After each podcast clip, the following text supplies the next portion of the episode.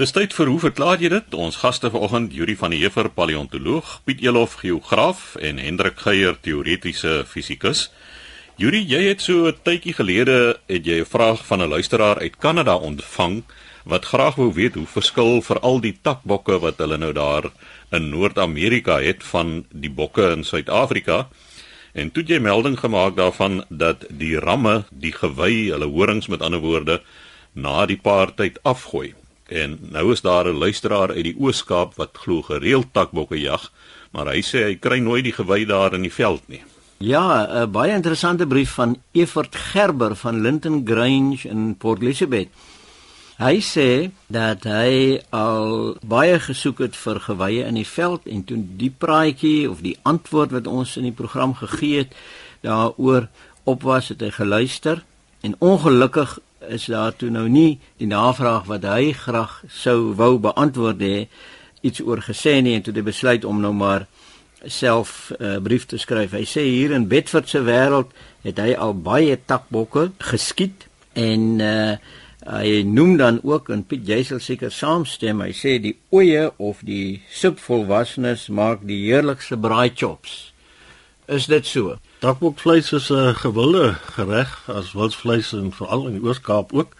En uh, daar is mense in daardie omgewing wat 'n verskeidenheid produkte daarvan vervaardig, wors en hamburger patties en biltong en braaistukke, ja. Hy sê verder so na die begin van die somer verloor die ramme hulle geweye en dit groei nou weer nuut uit aan die einde van Januarie, begin Februarie en hy probeer altyd van die geweye opspoor wanneer hy in die winterdae gaan jag. Nou, ewe dit lyk vir my dat uh as die geweye aan die begin van die somer afgegooi word en jy gaan jag daar in die winter, dan was daar 'n redelike tydsverloop gewees. Nou sê hy dis ongelukkig bitter selde dat hy ooit van hierdie geweye in die veld kry. Want hy voel en hy weet daar's letterlik honderde van die diere en as hulle dan min of meer op dieselfde tyd die geweye afgooi, dan behoort daar letterlik honderde van die goed in die veld rond te lê, maar dit is nou nie die geval nie. Op sy navraag het die grondeienaars gesê dat die oeye eet die geweye om die kalsiumvoorraad aan te vul in hulle liggame tydens swangerskap, maar hy sê hy weet nie of hy aan hierdie storie lekker byt nie, want hy weet nie of die bokke so harde materiaal kan fynkou nie en hy sal dit ook moeilik toeskryf aan aas of roofdiere aangesien kleinvee baie algemeen hier is en aas en roofdiere se getalle voortdurend ingeperk word. Nou dit is so dat herbivore sal been eet. Beeste is bekend daarvoor dat hulle as hulle sekere tekorte in hulle stelsel het, dan sal hulle bene kou en bene eet, maar dit is gewoonlik dan diere wat uh, onvolledige voedselbronne het of wat een of ander tekort het. Nou, dis waar wat jy sê dat die geweye groei met die uh, begin van die paarseisoen en die grootte daarvan is gewoonlik 'n aanduiding van hoe gesond die ram is.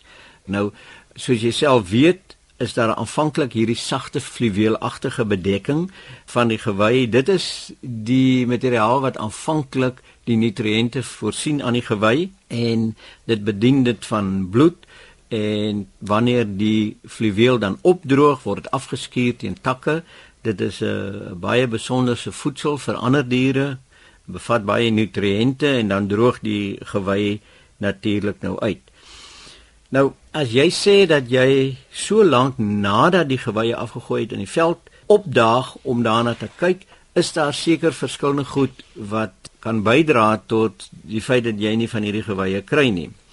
Albei kante van die gewy val nie noodwendig op dieselfde tyd af nie, dit kan op verskillende tye afval. Dit is bekend dat klein soogdiertjies soos uh, muise, hulle eet die gewy vir die kalsiuminhoud daarvan. Eystervarke byvoorbeeld wat jy daar behoort te kry, die knaag graag bene. En ons het die geval gehad 'n klompie jare gelede dink ek wat iemand ingeskryf het oor plastiekpype, besproeiingspype wat eystervarke vreet en dat hulle by 'n waterbron sal verbyloop om die plastiekpype te gaan vreet. So dit was nie omdat hulle dit stukkend gekou het omdat hulle dors was nie, daar was blykbaar iets in die plastiek wat hulle wou gehad het. So eystervarke knaag wel die soort goed.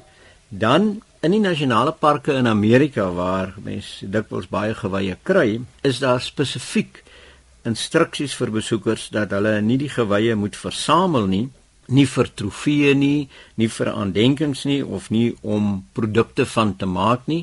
Daar's baie van die mense wat messe maak wat daarvan hou om uh, die messe handvatsel van 'n gewy te maak. 'n uh, Hele klomp mense wat graag penne draai hou daarvan om van hierdie geweye in die hande te kry en dan 'n pen te draai uit hierdie beenerige materiaal van die takbokke. Ek sien hier verskyn skielik so 'n item om die tafel Pietsel seker nou nou daaroor gesels. En mense word gewaarsku in die nasionale park in Amerika om nie die goed op te tel nie want die klein soogdiere en die knaagdiere eet dit en dis vir hulle 'n goeie bron van kalsium. Nou as 'n mens nou dink aan wat jy gesê het, vir die feit dat jy baie lank nadat die geweye afgegooi is blykbaar in die veld kom, is daar miskien genoeg tyd gewees vir hierdie klein diertjies om reeds aan die geweye te knaag. Die feit dat dit versprei word dat beide kante nie op dieselfde plek afval nie en dat dit dikwels deur die bokke ontslaaf van geraak word deur dit aan takke of bome te laat hak, kan dit redelik verberg wees miskien. En dan die laaste ding is wat van versamelaars? Is daar nie mense wat die goed optel op 'n gegeewe tyd vir trofee of om messe of penne van te maak nie? So ek dink as jy miskien nader aan die tyd wat dit veronderstel is om af te val van die bokke af in die veld geloop, gaan jy dalk meer sukses behaal. Hierdie takbokke is natuurlik ook nie inheems nie, maar ek herinner my ons het hier in die vroeë jare 60 op Bedford gebly dat daar toe al mense soos om Pieter Klerk van die Klerksdal was wat al 'n troppie takbokke gehad het. So dit is nie 'n onlangse verskynsel dat daar takbokke in daai wêreld is nie. En dit is inderdaad so. Jy het gesê ons het nie takbokke hier in die Kaap nie. Ek is bewus daarvan dat daar vir baie jare naby die Rhodes standbeeld en die vorige dieretuin waar daar was, hierdie damherte voorgekom het en ek is ook bewus daarvan dat van daardie spesifieke diere is ook versprei na die Karoo toe. En uh wat jy wel opgemerk het hier is die feit dat alhoewel ek redelik oor jare in die veld myself bevind het, het ek baie min indien enige, hoe amper sê nog heel gewye gevind. Wat ek wel een of twee keer gevind het is wat alreeds wit verbleik is en ek vermoed wanneer hy so lank in die reën en in die son gelê het, dan gaan daardie been van hom eintlik sagter word en gaan hy makliker geknaag word. Ek self het nog nie waargeneem dat oeye besig is om te kou hier aan nie, maar ek dink nie dis onmoontlik dat hulle ook maar 'n bietjie sal kou aan die goed juis om daardie kalsium in die hande te kry. Hierdie net 'n ander interessante punt, die gewei, ons praat van 'n gewei, maar praat ons dan van 'n takbok horing ook? Want ons praat tog van koede horings en springbok horings. Is daar 'n verskil tussen die horings van sê nou maar 'n koede en 'n springbok? En die horings van horings in aanhalingstekens dan van 'n takbok. Ja, daar's 'n besliste verskil. Wat ons nou noem as horings van eh, bokke en beeste en die goed is 'n benige permanente benige uitgroeisel van die skedel. Daarom vorm dan 'n keratin huls wat ons nou eintlik as die horing beskryf. En as ons kyk na die gewy by die herte, het nie die keratin omhulsel nie. Dit is 'n jaarlikse uitgroeisel. Dis 'n ding wat uitgroei en dan van bloedvoorsiening gestaak word en dan val dit af. So dit is 'n ding wat nie permanent is nie, wat op 'n jaarlikse basis uitgroei en dan kry mens nog 'n derde ding so die wat kameelperde het wat bekend staan, ek dink die beste beskrywing daarvan is 'n beenkeel. Dis 'n permanente uitgroeisel van die skedel wat dan aan die begin ook amper soos met fluweel bedek is met hare Hier's 'n dame wat 'n foto ingestuur het 'n tyd gelede van 'n kameelperd koei in die wildtuin. En nou weet jy, die koeie is nie so aggressief soos die bulle nie. So die bulle gebruik in hulle aggressie die horings, so daai sagte vel en haarbedekking word dan afgeskuur, maar by die koeie gebeur dit nie. So die koei het baie mooi gelyk, die twee sulke haarklossies aan die bokant van die horings gehad. So mens kyk die drie goed, die egte horing met 'n keratinskede, dan die gewei wat jaarliks afval en weer uitgroei en dan die benige keel wat jy by uh, kameelperde kry wat eintlik nie een van die twee is nie, maar wat miskien iewers in die verlede kon oorsprong gegee het aan die gewei wat ons vandag sien. Hierdie jaar die voorbeeld wat ek hier vir jou gebring het om na te kyk is uh die hef van 'n mes wat Dr. Henny van Sail vir my gemaak het en die knoets waarvan jy praat wat eintlik die deel is wat amper sê ek aan die kop vas is wat uiteindelik dan los kom afbreek die maak eintlik dan nou baie gerieflike handvatsel uit die voorbeeld wat hier is, is een wat ek nie opgetel het nie. Ek was ongelukkig, gelukkig of ongelukkig die oorsaak van sy sterfte en ek het gesorg dat om iets terug te hou in plaas van om net stel horings in die muur te iets bruikbaars te maak van die prooi wat ek dan nou geskiet het. So daar's 'n mooi voorbeeld daarvan dat dit 'n soliede been is en dat ons nie daardie horing hier 'n 10 rondom hom het nie. Die ander interessante ding is net dat die jong bokke het korter en kleiner gewye, horingkies. Ons praat baie keer van spykerkoppe en ek vermoed dat dit waarskynlik is omdat die voedingsstof wat hulle inneem meer gaan na die liggaam om die liggaam groot te kry. Die oomblik as hy volwasse liggaam het, dan gaan meer van daai voedingsstowwe in die groei van die gewy in en daarom is hulle ook dan baie groter, veral by jou groot en ouer ramme. En dit was dan Yuri van der Heever en Piet Elof wat gepraat het oor die gewy van takbokke. Volgende aan die woord Hendrik Geier. Nou Hendrik, jy het 'n hele paar vrae gekry, maar jy wil onder andere ook gesels oor 'n albaster in 'n ketel wat keer dat die ding toekalk. Ja, dankie Chris. Voor ek by die albaster in die ketel kom, Ek skuld nou al geruime tyd vir Arende Waal 'n antwoord op 'n vraag wat hy vir ons gestuur het oor 'n waarneming wat hy vroeër verjaar gemaak het daar in die omgewing van Lambert's Bay. Hy beskryf dit as volg: Hy sê hy het so half 11 die aand iets soos 'n wolkie sien verby beweeg en in die wolkie het hy liggies of vonkies gesien wat van voor na agter en van links na regs beweeg het. Nou sê hy verder omdat dit te hoog was, kon ek nie uitmaak wat die wolkie is nie, maar dit het, het gelyk soos 'n swerm voëls en verskeie van die wolkies het oorbeweeg in dieselfde rigting. Arend sê hy het nog nooit tevore so iets waargeneem nie en hy het gewonder of dit dalk trekvoëls is en dat daar sprake daarvan is dat statiese elektrisiteit op hulle vlerke opbou en dan van tyd tot tyd ontlaai. Nou Arend, ek moet jou sê ek is heeltemal in die duister oor wat jy daar waargeneem het. Ek het gewonder of dit dalk 'n swerm vuurvliegies kon gewees het, maar jy lyk redelik seker as ek so lees wat jy skryf dat dit groter voorwerpe was aan die ander kant is dit seker ook moeilik om in die aand as jy in die donker opkyk en 'n mens weet nou nie hoe helder of donker die aand was nie om afstand te skat. So ek moet bely ek het op hierdie stadium geen benul van wat jy gesien het nie. Ek sou nogal verbaas wees as die verklaring wat jy hier voorhou, hoe genaamd die korrekte verklaring van die waarneming is. Ek twyfel sterk of daar uh, statiese elektrisiteit op voelvlekke kan opbou tot die mate dat dit vonke sou verskaf. Ek weet nie of jy enige opinie daaroor sou hê nie hierdie. Nee, Henk, ek is stom geslaan, maar my gevoel is dat dit eintlik nie so gebeur nie, want gewoonlik as jy met statiese elektrisiteit werk, dan moet die bestanddele redelik droog wees, dink ek om statiese elektrisiteit op te werk. Die enigste ding wat ek kan aan dink is toe ons kinders gewees het, het ons dikwels ons Sondaghemde in die oggend aangetrek, dan was dit daai kunststof terelien dink ek, so 'n nylon tipe hemp wat jy sommer gou Sondagoggend kom uitwas in die kos is en hom dan net daarna aantrek vir kerk en as jy hom so 'n dag aangehad het en jy trek hom in die aand uit en skakel die kamerlig af en dan vrommel jy die hemp op dan is daar oral sulke vonkies wat in die hemp skiet as gevolg van statiese elektrisiteit. Maar ek dink so gou as wat jy dan volg daarby kry dan sal dit nie gebeur nie. Ek het geen idee wat die persoon waargeneem het nie. Ek ek glo dat dit waarskynlik voëls is groepe voëls of ons wil dit die swermvoëls noem nie want partykeer langs die kus sien 'n mens dat uh, die kormorante baie lang strepe vorm redelik laag oor die duinings vlieg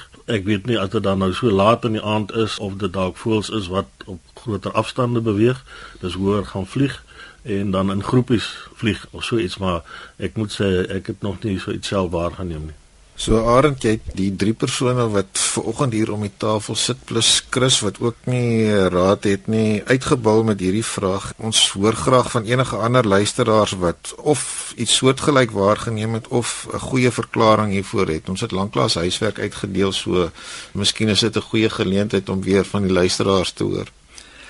Nou dan bring dit ons by die vraag oor die albaster in die ketel. Die Chris het ons gekry van Dominee Dani Malan van Hoopstad. Hy het hier 'n paar vrae ingestuur. Ek weet nie of ek by almal van hulle vandag gaan uitkom nie, maar kom ons begin by die eerste een. Hy sê lees maar die vooruit sy e-pos. In Hoopstad soos in menige Vrystaatse dorp het die water 'n taamlike hoë kalkinhoud en dus kalk die elemente van elektriese ketels, geisers ensovoorts gereeld toe.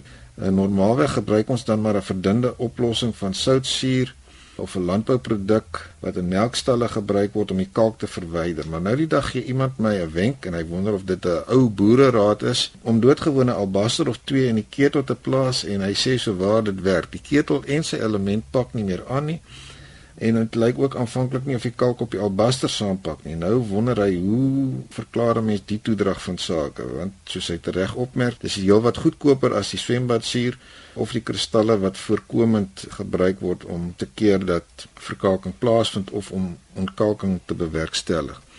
Dominee Malang, ek dink nie dit is besonder ingewikkeld die verklaring hiervoor nie. As ons nou net weer terugdink aan wat veroorsaak die verkalking, wel, dit is die teenwoordigheid van kalk in opgeloste vorm in die eerste plek in die water en soos 'n mens ook uit skooleksperimente weet, praat 'n mens van kristallisering van stowwe wat in oplossing is wanneer dit 'n uh, versadigingspunt in oplossing bereik. So as jy byvoorbeeld aanhou suiker in 'n vloeistof in water byvoorbeeld oplos, dan sal 'n punt waar die suiker net eenvoudig nie meer opgelos kan word nie en die teenoorgestelde natuurlik as jy besig is om water te kook, stoom vorm so die vloeistofkomponent word onder andere laer met ander woorde die konsentrasie van wat ook al opgelos is die word hoër en so vind kristallisering plaas en vir daardie proses om plaas te vind kan 'n mens jou maar voorstel iets soos 'n muur wat aan die bou is jy sit een steen op 'n ander en hulle ondersteun mekaar en so vorm uiteindelik die aanpaksel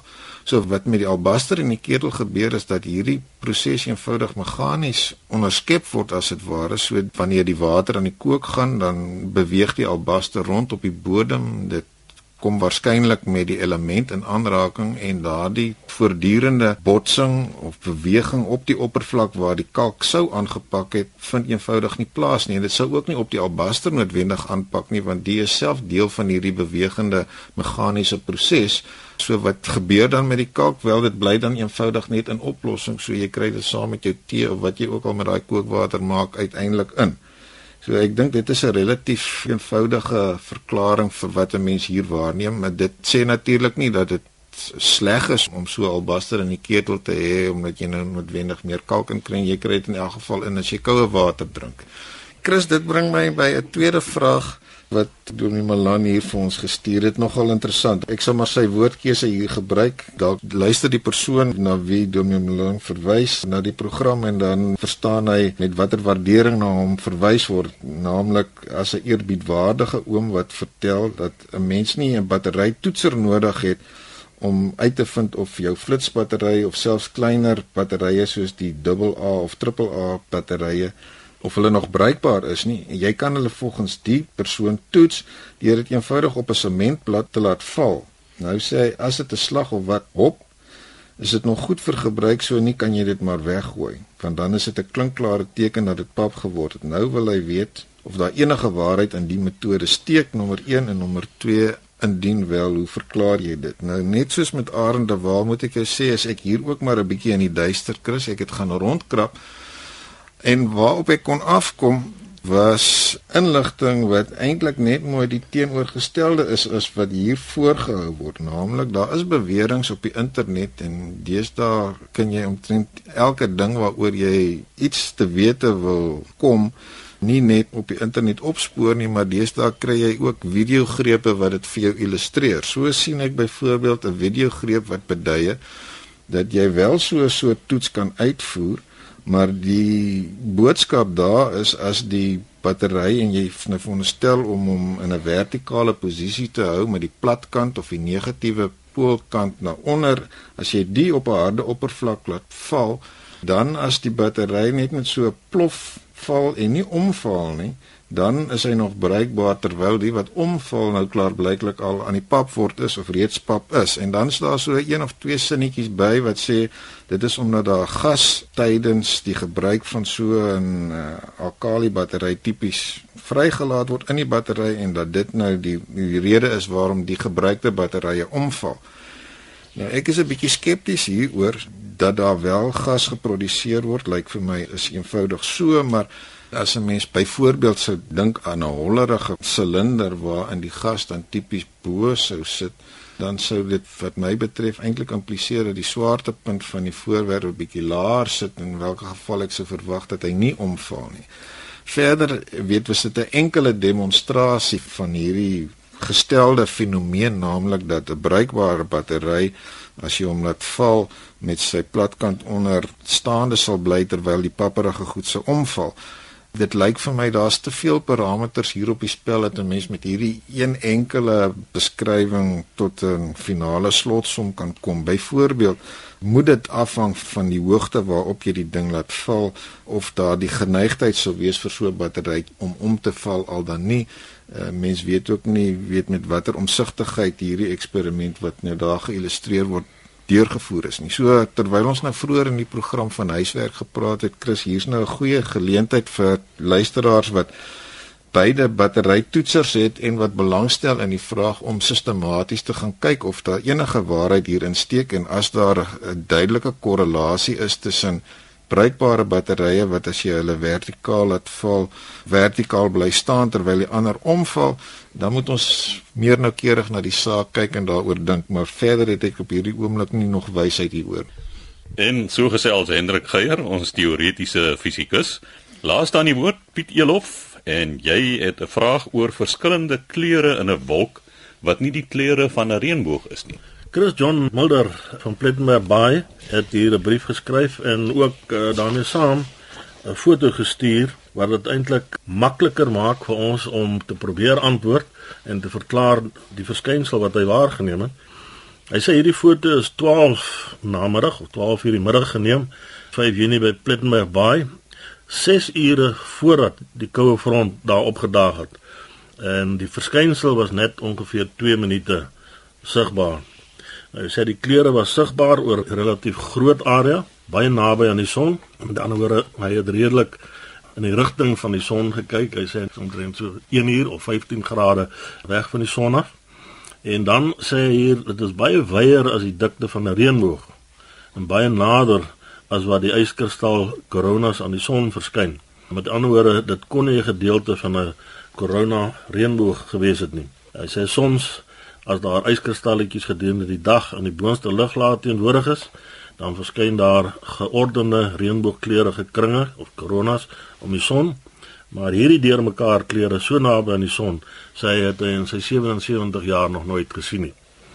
Hy sê dit moes yskristalletjies gewees het Maar waarom is dit nie 'n segment van 'n reënboogkleurige korona nie? John, interessant wat jy hier vir ons deurgegee het vir al die foto en hier's 'n paar belangrike opmerkings wat jy gemaak het. In die eerste plek dat dit rondom middaguur was, 12uur. Met ander woorde, jy het redelik regop gekyk na die wolke. Die foto toon duidelik dat dit hoë wolke is, met ander woorde, 'n uh, tipe cirruswolke en verseker is daar yskristalle want meeste van cirruswolke bestaan hoofsaaklik uit yskristalletjies self. En die ander punt wat jy maak is dat dit 6 uur voor die koue front waargeneem is en ons dis bekend daarvoor dat veral ook hier in die in die Weskaap, uh, miskien selfs 'n dag of uh, langer voordat die koue front hier aankom, dan sien ons hierdie hoë cirruswolke reeds as 'n aanduiding dat die front in aantog is. Wat wel hier waargeneem kan word en jy sal dit kan beamoen is dat die hele lug nie oortrek is met cirruswolke nie. En dit is gewoonlik wanneer die lug totaal oortrek is met cirruswolke of cirrostratuswolke wat jy die sogenaamde korona of ring of kring om die maan in die son kry. So daarom sal jy nie hier daardie tipe van kring gevorm kry nie omdat die wolke nie totaal die hele lugruim Eh, as dit ware toemaak in die vorm van sidderstratuswolke nie. Waarom sê jy is dit nie net 'n segment van 'n reënboogkleurige korona nie? Nou ons weet vir 'n reënboog om te vorm is dit noodsaaklik dat dit reën. En in hierdie geval is daar geen reën wat hier plaasvind nie. En uh jou waarneming natuurlik was voordat dit gereën het, is heeltemal korrek. Soos ek net genoem het, dit is iets wat voorkom voordat die koue front daaraan. Nou ek vermoed wat jy gesien het is wat ons noem iriserende wolke. Met ander woorde, dit is reënboogkleurige wolke. Jy praat van reënboogkleure in die wolke. Dis nie georden soos wat dit is by 'n reënboog self nie. Ons kan ook in Afrikaans in plaas van nou hierdie groot woord van iriserende wolke gebruik, vermoed ons kan dit verwys na dit verwys in elk geval na kleurspeling of kleurwisseling of kleurmengeling wat ons ook hier in die foto van jou baie duidelik sien.